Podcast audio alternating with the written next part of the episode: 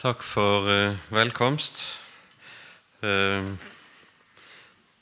jeg ble kalt inn som reserve i siste liten, har jeg forstått.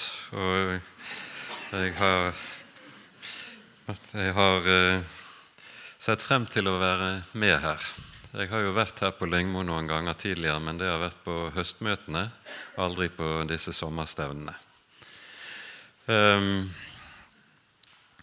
jeg skulle si noen uh, få vers om meg sjøl. Uh, som dere ser, jeg er prest. Jeg gjør tjeneste i Delk Bergen menighet og har vært der i, uh, siden 2002, da menigheten ble startet opp. Før det var jeg prest i Den norske kirke i 20 år, men jeg fant det litt for vanskelig å fortsette i Den norske kirke, slik som utviklingen var. Og eh, vi sluttet oss derfor til denne lille lutherske frikirke som heter DELK, Det evangelisk-lutherske kirkesamfunn. Det tror jeg får holde for når det gjelder meg. Um, vi skal uh, i de uh, timene jeg skal ha Eh, sammen med dere disse dagene, tar for oss det som har med skapelsen å gjøre. Eh, I dag skal vi konsentrere oss om det første kapittelet i Første Mosebok. Eh, I ettermiddag på seminaret så skal vi ta for oss en side ved skapelsen som kalles for nådemiddelteologien. Luthersk kristendom er nådemiddelkristendom, et, en sammenfatning av eh, eh, det vi skal ta for oss her. Og dette henger veldig tett sammen med den lutherske forståelsen av skapelsen og av skaperverket. Så timene henger sammen på den måten, og eh, vi får se hvor langt vi kommer når vi taler om disse. Men jeg vil gjerne at vi nå ber sammen før vi fortsetter. Kjære du vår Herre, du vår trofaste Gud og Far. Nå takker og lover vi deg for all din nåde og for all din godhet imot oss. Takk, Hellige Gud, først og fremst at du har gitt oss din egen sønn, at vi skal få lov til å bli frelst ved ham, eie en evig og fullkommen frelse som bærer like inn til målet. Takk at du med din gode hånd holder oss oppe dag etter dag, fordi du er den trofaste og den hellige Gud. Nå ber vi, Herre, at du vil være hos oss med din gode, hellige ånd, og gi oss det lys i ordet ditt som vi trenger, for at ordet også kan skrives inn i våre hjerter. Amen.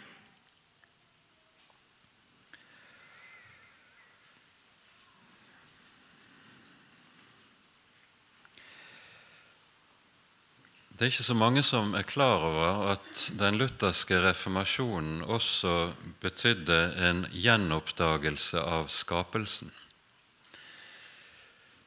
Det er en helt avgjørende side ved hele Luthers teologi at han nettopp så å si får et Han gjenoppdager hva skapelsen betyr i Bibelen og for den hele den bibelske åpenbaring.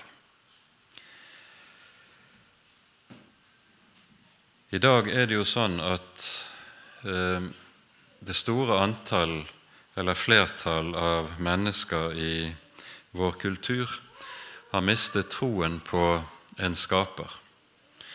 Man mener man kan forklare verdens tilblivelse og verdens opphav på naturligvis. Alt har blitt til gjennom tilfeldighetenes spill.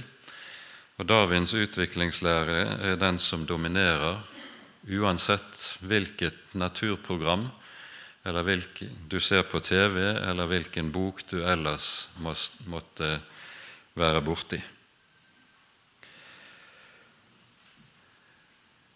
Dette skaper et ikke lite problem for den kristne forkynnelse.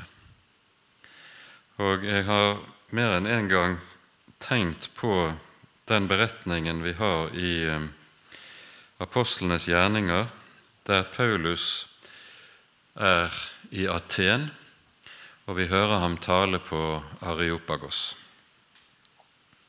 Dette er den eneste talen vi finner i apostlenes gjerninger som er talt til hedninger som ikke kjenner den bibelske åpenbaring. Alle de øvrige talene som er gjengitt i åpenbaringsboken, de er talt til jøder som er fortrolig med Det gamle testamentet, og det ser du også av talene. Det refereres til ulike tekster i Det gamle testamentet. I talen på Areopagos så hører vi ikke Paulus referere til noen tekst i Det gamle testamentet overhodet.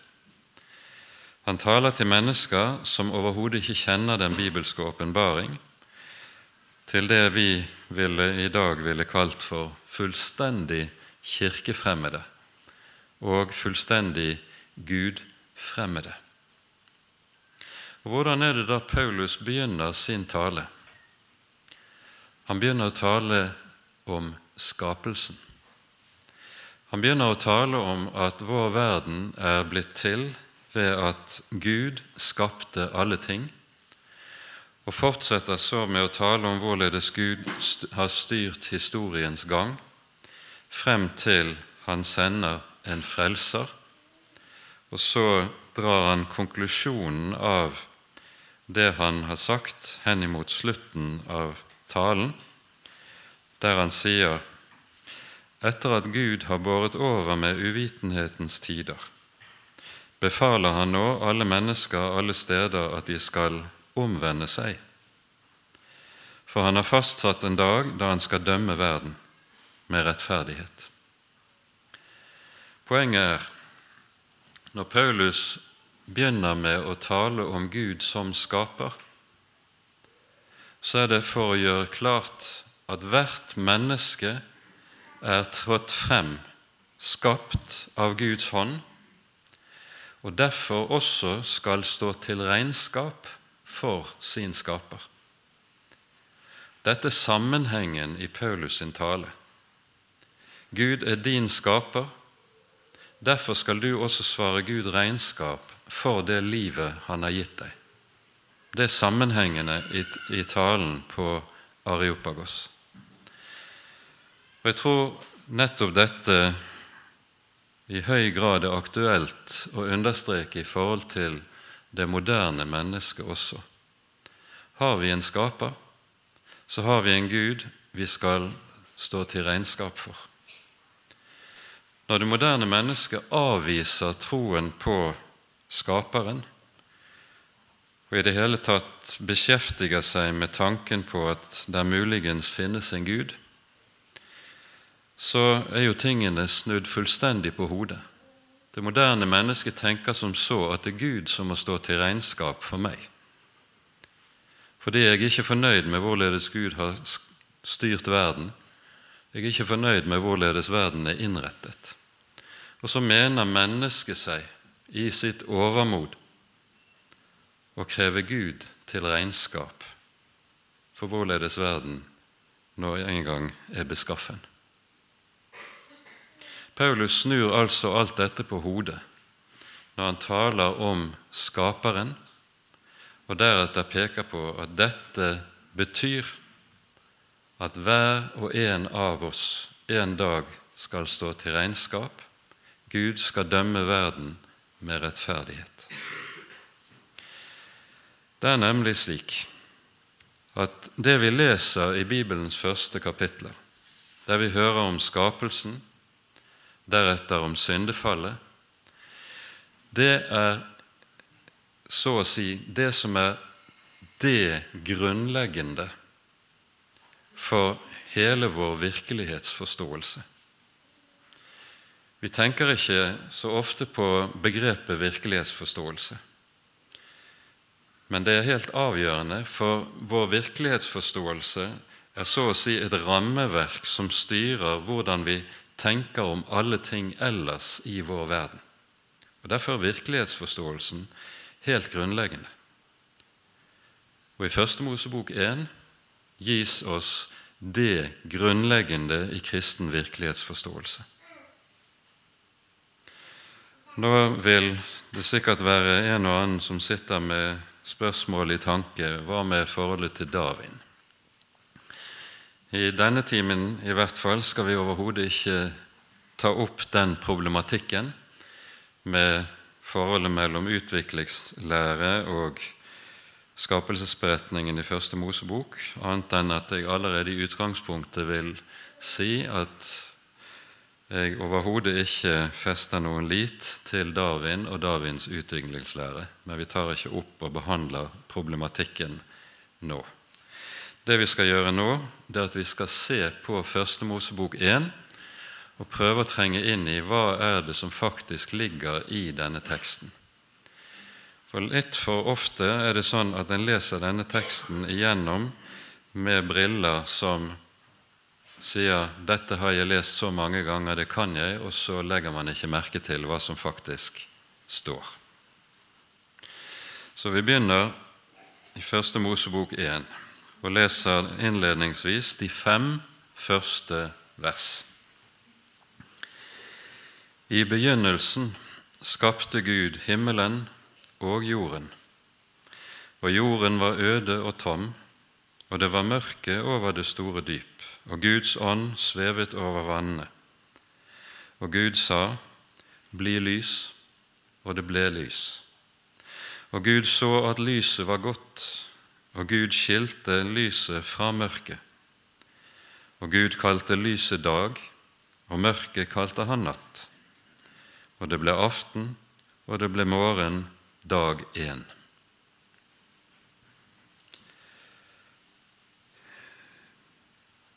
Teksten begynner med ordene 'i begynnelsen'. Og Da kan det være viktig å være klar over at selve dette ordet 'i begynnelsen' det er et ord som skiller den bibelske skapelsesberetning fra alt det som fantes av skapelsesmyter i Bibelens samtid. Det er sånn at arkeologien de siste 100-150 år har gravet ut en rekke biblioteker i det gamle Midtøsten.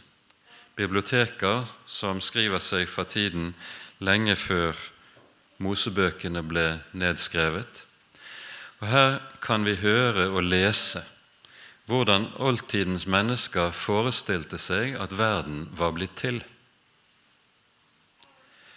Og Det som er felles for dette, og det er noe vi trenger å gjøre oss klart Det som er felles for disse, er for det første en tenker seg at materien var evig.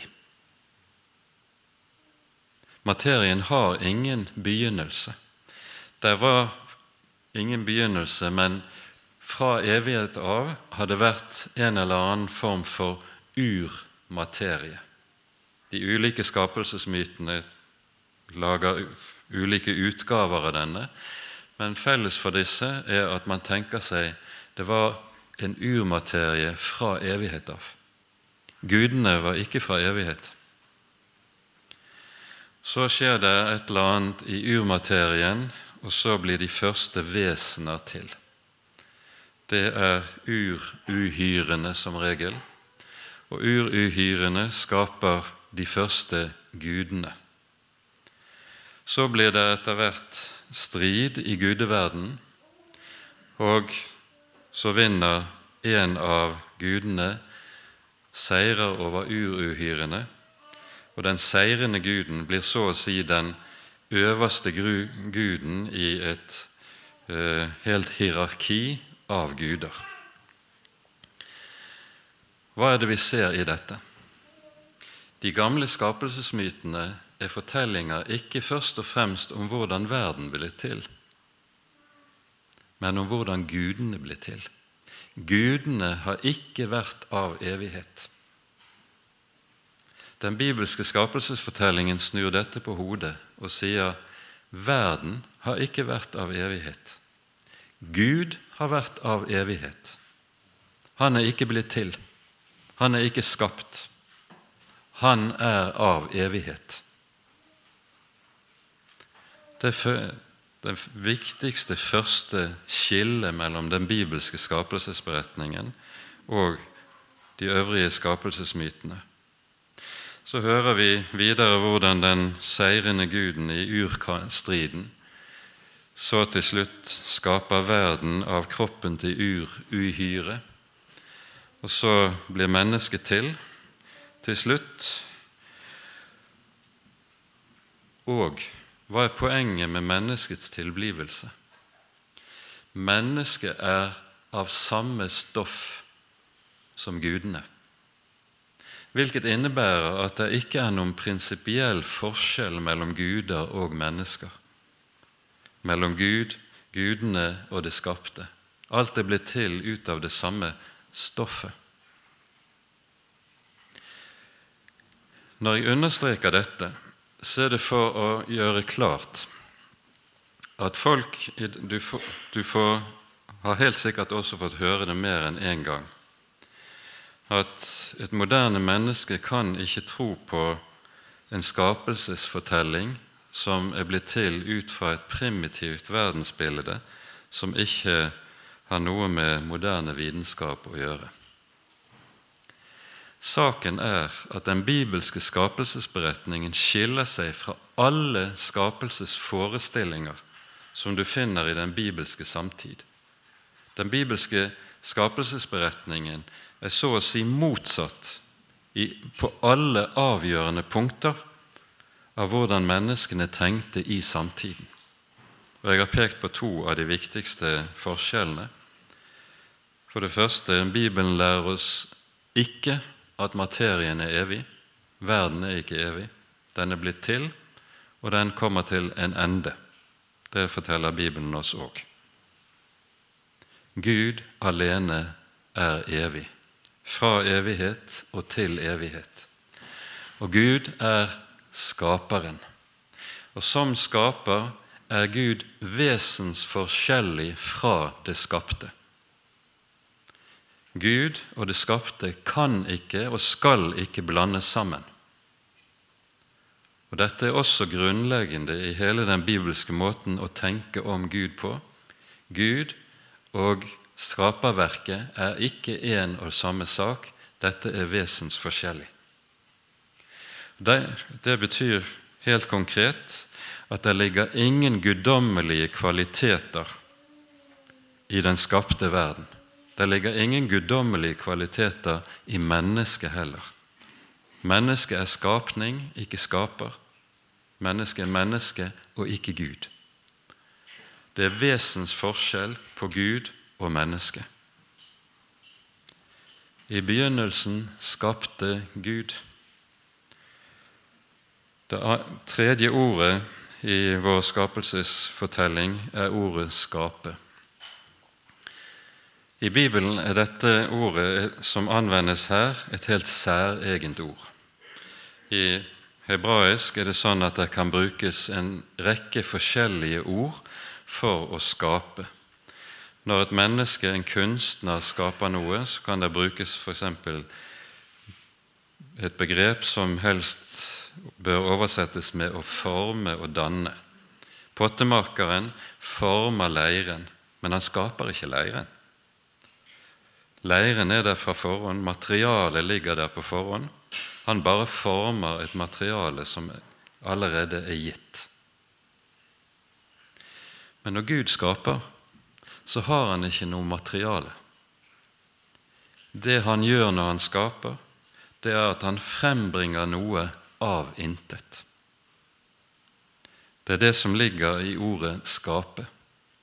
Og Derfor er det sånn at dette særegne ordet som anvendes her på hebraisk, bara, det er et ord som bare i Bibelen anvendes med Gud som subjekt. Det kan aldri anvendes med mennesket som subjekt. For mennesket kan ikke frembringe noe av intet. Vi kan forme det som allerede er gitt. Har vi evne til og verktøy til det. Men vi kan ikke skape noe av intet.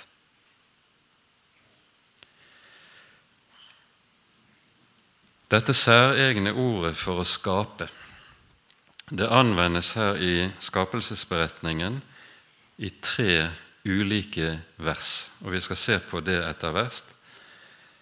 Men før vi gjør det, må vi se nærmere på disse første versene. I begynnelsen skapte Gud himmelen og jorden. I gammel jødisk utleggelsestradisjon så stiller man spørsmålet til dette verset hvorfor står det at himmelen skapes før jorden? Jo, svarer rabbinerne til det, det er fordi at en vis byggmester, når han skal bygge sitt hus, så lager han alltid grunnvollen først. Så også med Gud. Himmelen er jordens grunnvoll. Og Dette er noe du ser går igjen når vi hører om hvorledes tempelet eller tabernaklet reises, i, slik vi leser om det i annen Mosebok. Moses får befaling om å gjøre alt etter mønster av det bildet som ble vist ham på, fjellen, på fjellet. Det himmelske tabernaklet så å si grunnvollen for det jordiske, og danner grunnlaget for det. så det hører vi hvorledes Gud skaper. Han gjør det ved sine ord. Gud sa 'det blir lys', og det ble lys. Gud trenger ikke materialer, han trenger ikke verktøy, men han taler. Bli lys, og det ble lys. Og I dette ligger den bibel, grunnleggende for den bibelske teologien om Guds ord. Guds ord, det er et skapende ord. Guds ord er ikke slik som våre ord, et pust, lydbølger som sprer seg i luften, og så blir borte. Guds ord er alltid et ord som bærer i seg Guds gjerning. Derfor er det slik at når Gud vil ha noe gjort, så taler han.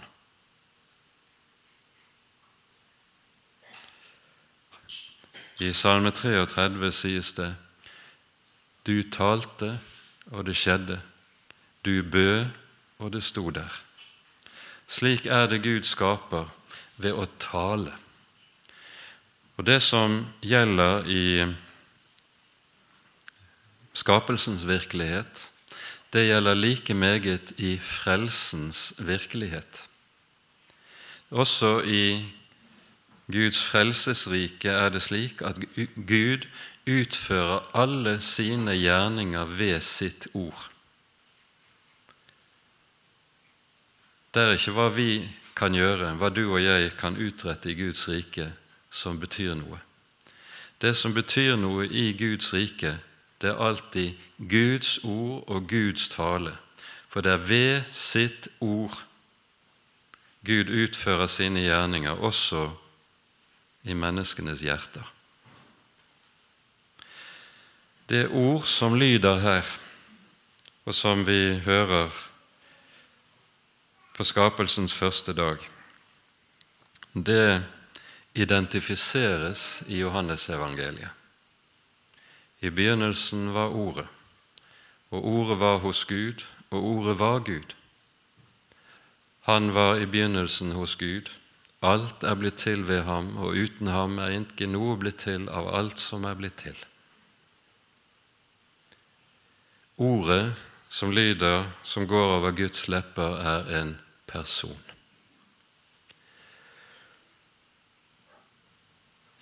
Dette forsto jeg at Leif Nummela også var en del inne på i sine timer. og Jeg skal ikke bruke mye mer tid på det i denne sammenheng.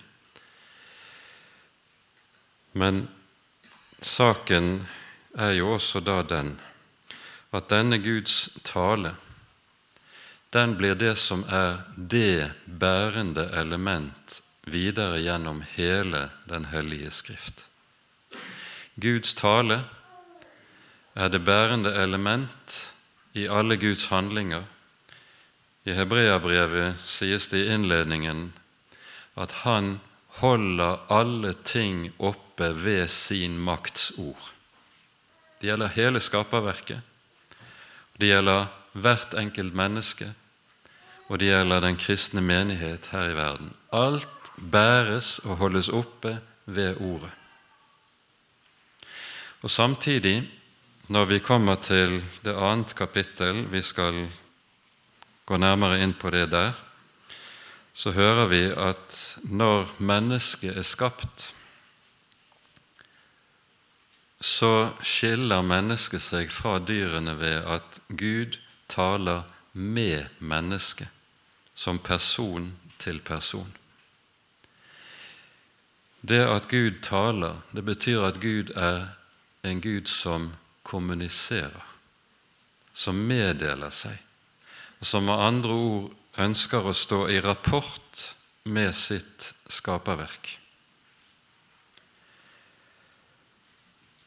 Det neste vi skal legge merke til, det er at selve skapelsesakten, det at lyset blir til, det følges opp av en ordnende gjerning.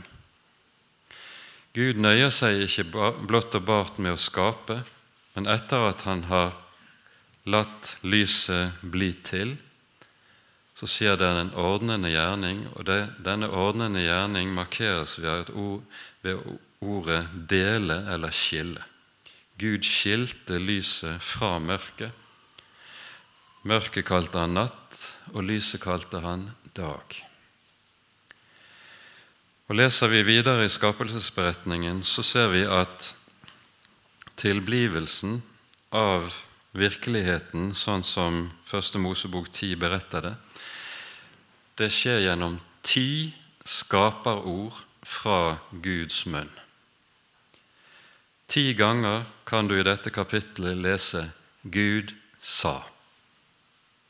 Og ved disse ti skaperord blir vår virkelighet til.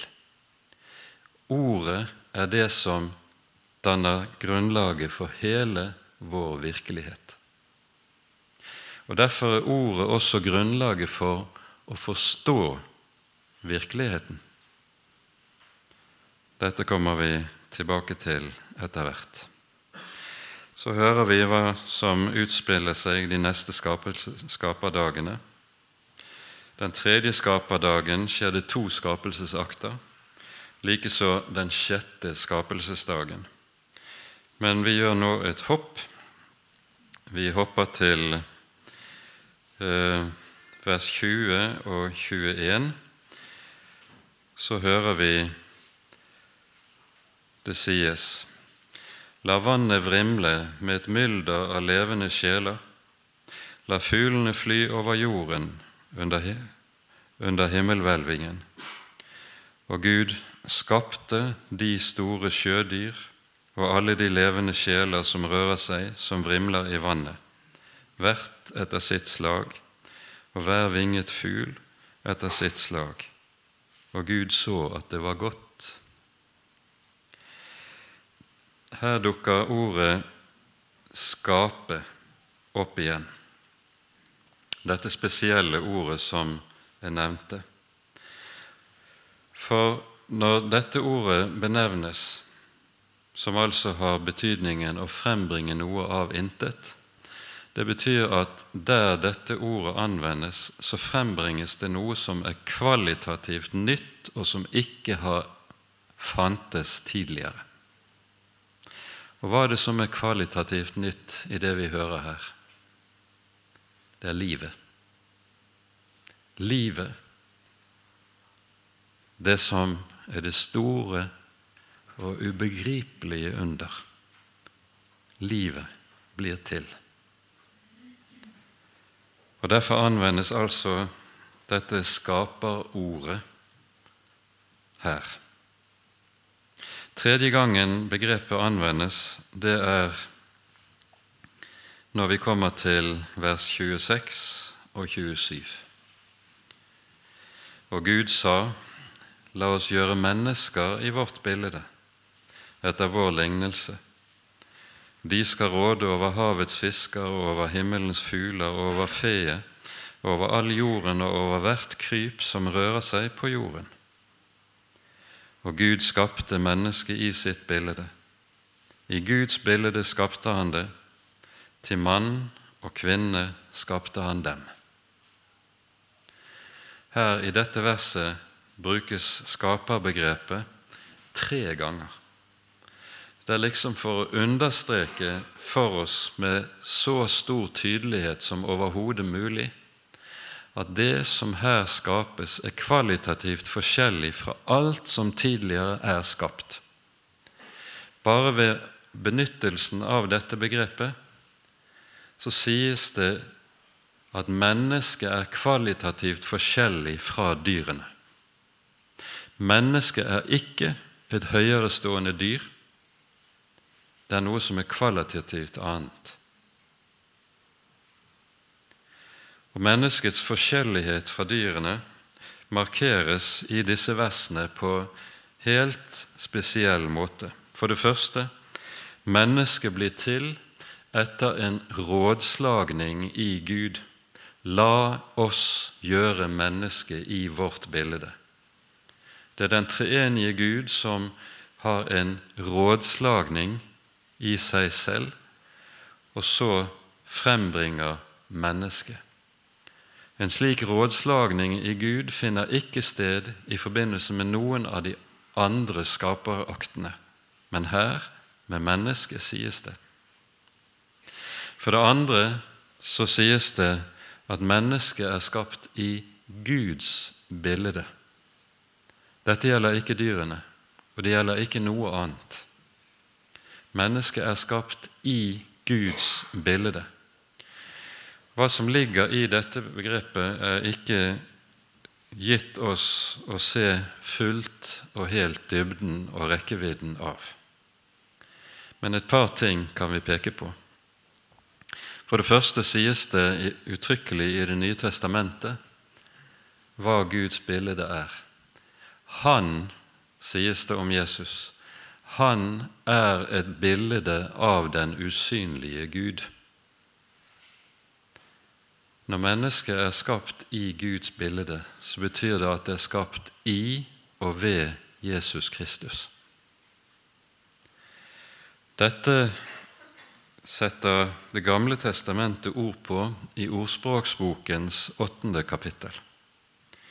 Her har vi et kapittel som taler om skapelsen. Det er visdommen som taler.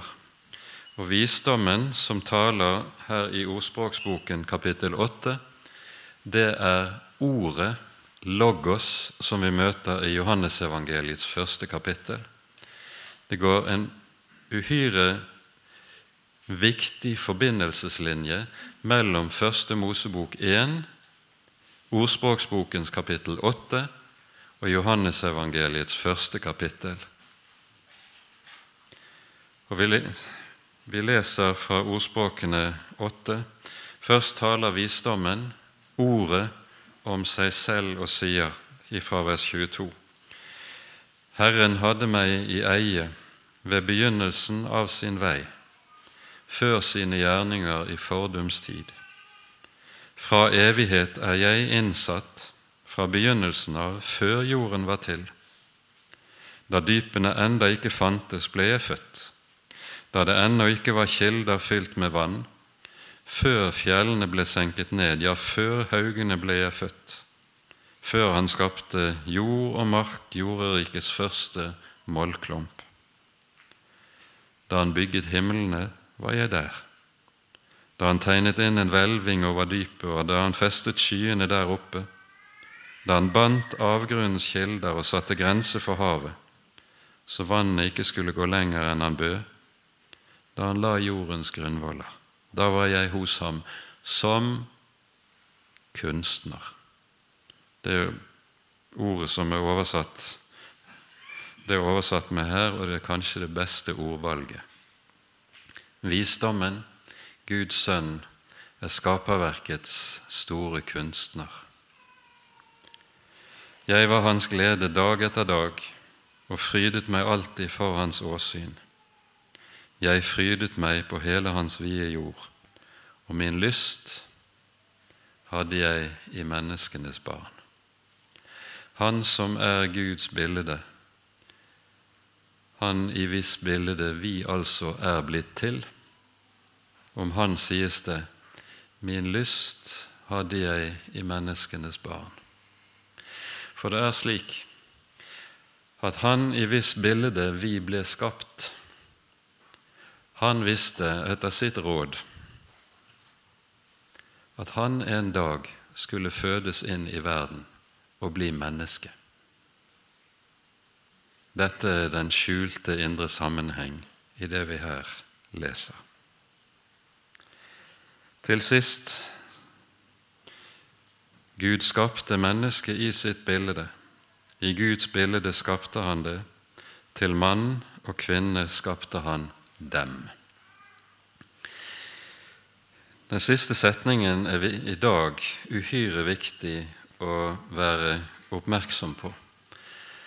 For grunntekstens ordlyd den er egentlig noe annerledes. Bokstavelig så står det 'til hannkjønn og hunnkjønn skapte han dem'. Hva er det det understreker for oss? Det understreker for oss at kjønn er gudskapt identitet.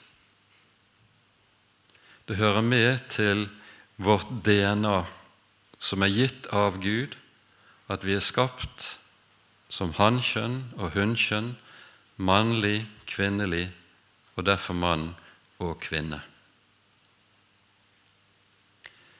I det åndsklimaet vi lever i dag, så er dette en, et av de punktene i bibelsk tro som aller mest radikalt fornektes.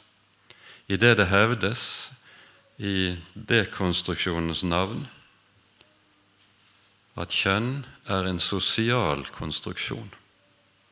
Det er noe som bare er et resultat av den rolle du får av omgivelsene. Eller kjønn er noe som er en følelse som er helt uavhengig av hva du er rent genetisk, hvilket DNA som ligger i deg. Det er en følelse. Og Derfor er det slik etter moderne kjønnsideologi at når et barn er født, så kan ikke jordmor lenger se mellom bena på barnet og si til mor du har fått en sønn, du har fått en datter.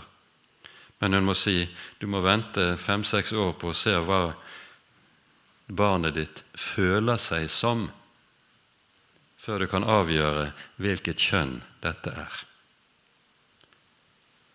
Er barnet født med mannlige genitalier og føler seg som jente, så vil staten etter hvert påta seg plikt til å gi, gjøre et inngrep og operere deg sånn at du kan se ut som det motsatte av det du ble født som.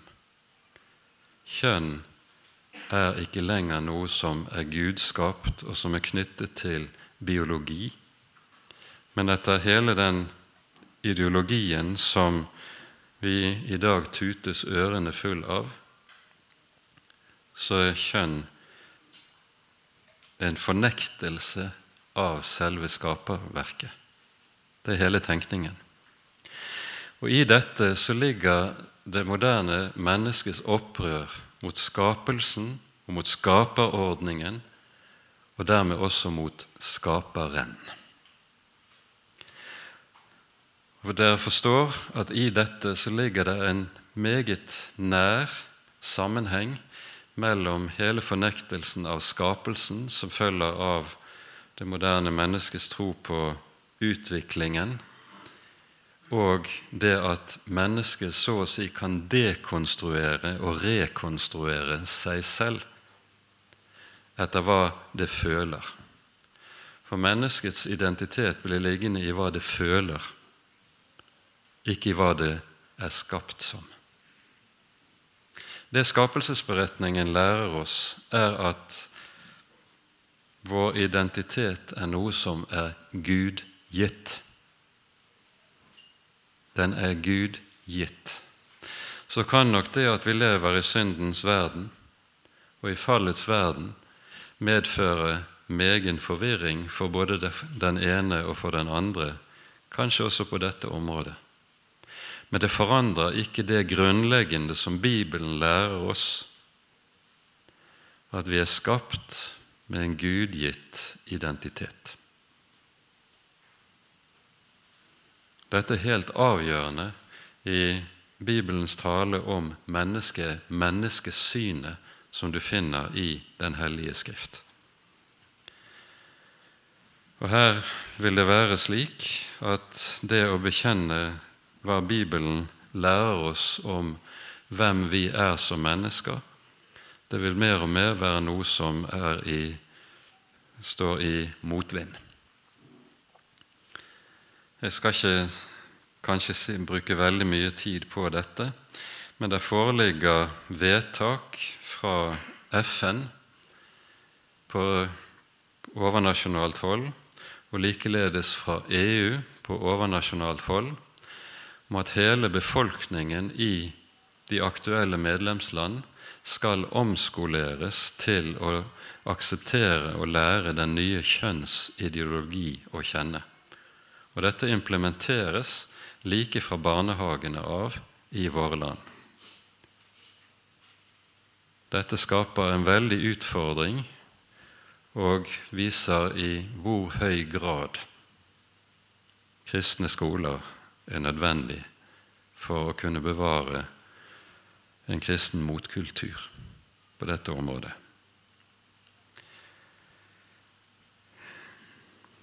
Skapelsesberetningen fortsetter med at Gud plasserer mennesket inn i skaperverket. Og mennesket får det vi kaller for kulturoppdraget. Gud velsignet dem, og Gud sa til dem, vær fruktbare, bli mange, fyll jorden og legg den under dere, og råd over havets fisker og himmelens fugler, over alt levende som rører seg på jorden. Dette verset er grunnleggende i det vi kaller for kulturoppdraget. Og det, Vi får en eh, litt mer spesifikk variant av samme saken i kapittel 2. Gud Herren tok mennesket og satte ham i Edens hage til å dyrke og verne den. Når Gud plasserer mennesket inn i den verden han har skapt, så skapes ikke mennesket til ørkesløshet, men mennesket skapes til arbeid. Arbeid er noe som er Gud gitt, og som hører med til den velsignelse som Gud har gitt mennesket i skaperverket. Arbeid hører med til det som er menneskets kall her i verden. Vi bruker ofte i kristen sammenheng ordet 'kall' om det å f.eks. å være misjonær eller sykepleier, sånne litt spesielle, utvalgte yrker. Etter bibelsk tankegang er hvert menneskes yrke dets kall. Er du skomaker, så er det ditt kall. Kallet ditt er å lage gode sko som folk trives med å gå i. Er du bonde, så er det ditt kall. Og da er det å gjøre ditt arbeid på marken, eller hva det nå er, gjøre det godt, skikkelig, det er din gudstjeneste. Det er luthersk skapelsesteologi. Kall er ikke noe som bare gjelder spesielt utvalgte, men det gjelder hvert enkelt menneske. Og hvert enkelt menneske har i den stilling det lever her i verden, ulike kall. Et av disse kallene det er altså vårt arbeid. Og Her gjelder det både enten det er håndens arbeid eller det er åndens arbeid. Åndsarbeid som drives av kunstnere og andre f.eks., det kan også like meget være et Guds kall. Og Gud fordeler dette kall på hvorledes Han har skapt mennesker, Du er skapt med bestemte evner for matematikk. Ja vel, da er det Guds kall for deg. Du kan gå inn i et arbeid som egner seg med tanke på det. Du er skapt med spesielle egner for musikk. Ok, så kan det være Guds kall til deg at du skal gå inn i en slik tjeneste. Den lutherske skapelsesteorien tenker nettopp slik at hvert menneskes konkrete arbeid er dets kall. Og så skjer gudstjenesten i hverdagslivets arbeid. Det andre sentrale kallet det foreligger i ekteskapet. Det for de som blir gift, så er det å være ektefelle Guds kall. Og så innebærer det å være en god far, det å være en god mor, eventuelt for barna det å være lydige barn. Det hører med til det å være til det som er kallet her i verden. Vi går ikke mer inn på det i denne sammenheng, men dette ligger altså i det grunnleggende som vi kaller for kulturoppdraget. Gud har plassert oss inn her i verden med, i, midt i alle de sammenhenger vi lever i her i verden. Så tjener du Gud i den konkrete sammenhengen som du er i. Verden har åndelig betydning. Det er ikke vanlig å tenke slik, men dette ligger i saken fra begynnelsen av. Og så slutter kapittel 1 i Første Mosebok med ordene Gud så på det han hadde gjort, og se, det var overmåte godt. Verden, slik den trer frem av Guds hånd, er god. Og her skiller kristen tro seg fra en rekke av verdensreligioner seg. I hinduismen er det sånn at den materielle verden ses på som ond.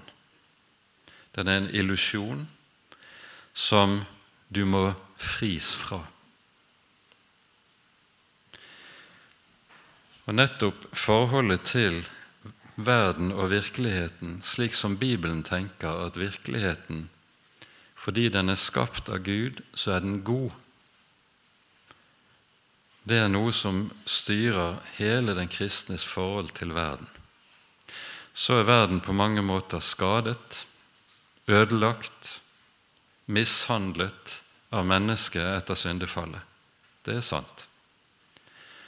Men derfor lover også Den hellige Skrift at Gud en dag skal skape nye himler og en ny jord. Du og jeg skal ikke til himmelen. Vi skal leve sammen med Herren på den nye jord. Og Det vi hører i Johannes' åpenbaring i det 21. kapittel jeg så det nye Jerusalem stige ned fra himmelen fra Gud, gjort i stand og prydet som en brud for sin brudgom. Det betyr at det er himmelen som kommer til jorden, og du og jeg skal leve om vi når målet så skal vi få lov til å leve på den nye jord, der Gud på ny skal si som det lød i begynnelsen det er overmåte godt. Det er løftet. Fordi etter Bibelens måte å tenke på, så er den fysiske verden og den fysiske virkelighet den er ikke noe negativt. Den er ikke noe vi skal befris fra. Men tvert imot denne Guds gode gave som vi skal få lov til å bruke, men bruke med forstand, få lov til å leve i med takknemlighet og ta imot. For den skapergjerning som Gud gjør her i begynnelsen, den er noe som ikke er avsluttet. Bibelen lærer oss at Gud fortsetter, fortsetter å skape. Han har sin hånd inn i alt som skjer i vår verden.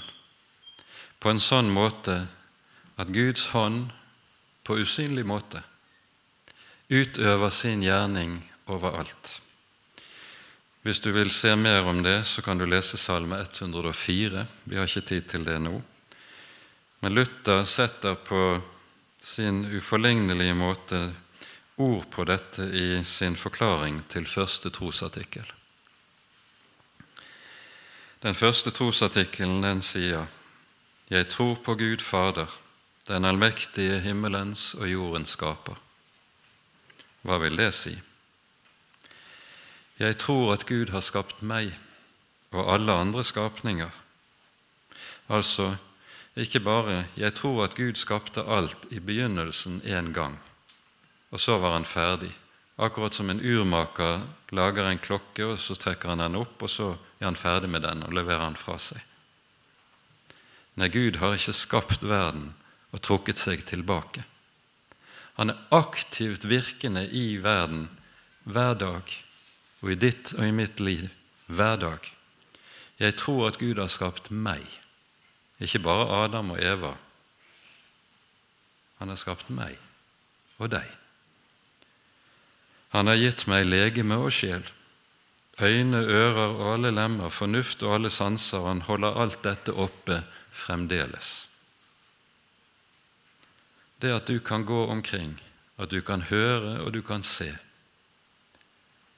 det ene og alene for at Gud holder det oppe. Drar han sin ånd tilbake, så er det slutt. Da legges du i graven og blir støv igjen. Jeg tror også at han gir meg mat og drikke, klær og sko, hus og hjem, ektefelle og barn, åker, husdyr og alle andre goder. Hver dag sørger han rikelig for alt jeg trenger. Han verner meg mot all fare og bevarer meg mot alt ondt. Alt dette gjør han av bare faderlig, guddommelig godhet og barmhjertighet, uten at jeg fortjener det eller er verdig til det. For alt dette skylder jeg å takke og prise ham tjene og lyde ham. Det er visst og sant. Gud så på alt det han hadde gjort. Mot slutten av Salme 104 står det Gud gleder seg i sine gjerninger. Det er en salme om skaperverket, og hvorledes Guds glede er knyttet til å se på vidund, den vidunderlige verden som Han har frembrakt. Ære være Faderen og Sønnen og Den hellige ånd, som var og er og være skal, en sann Gud, høylovet i evighet. Amen.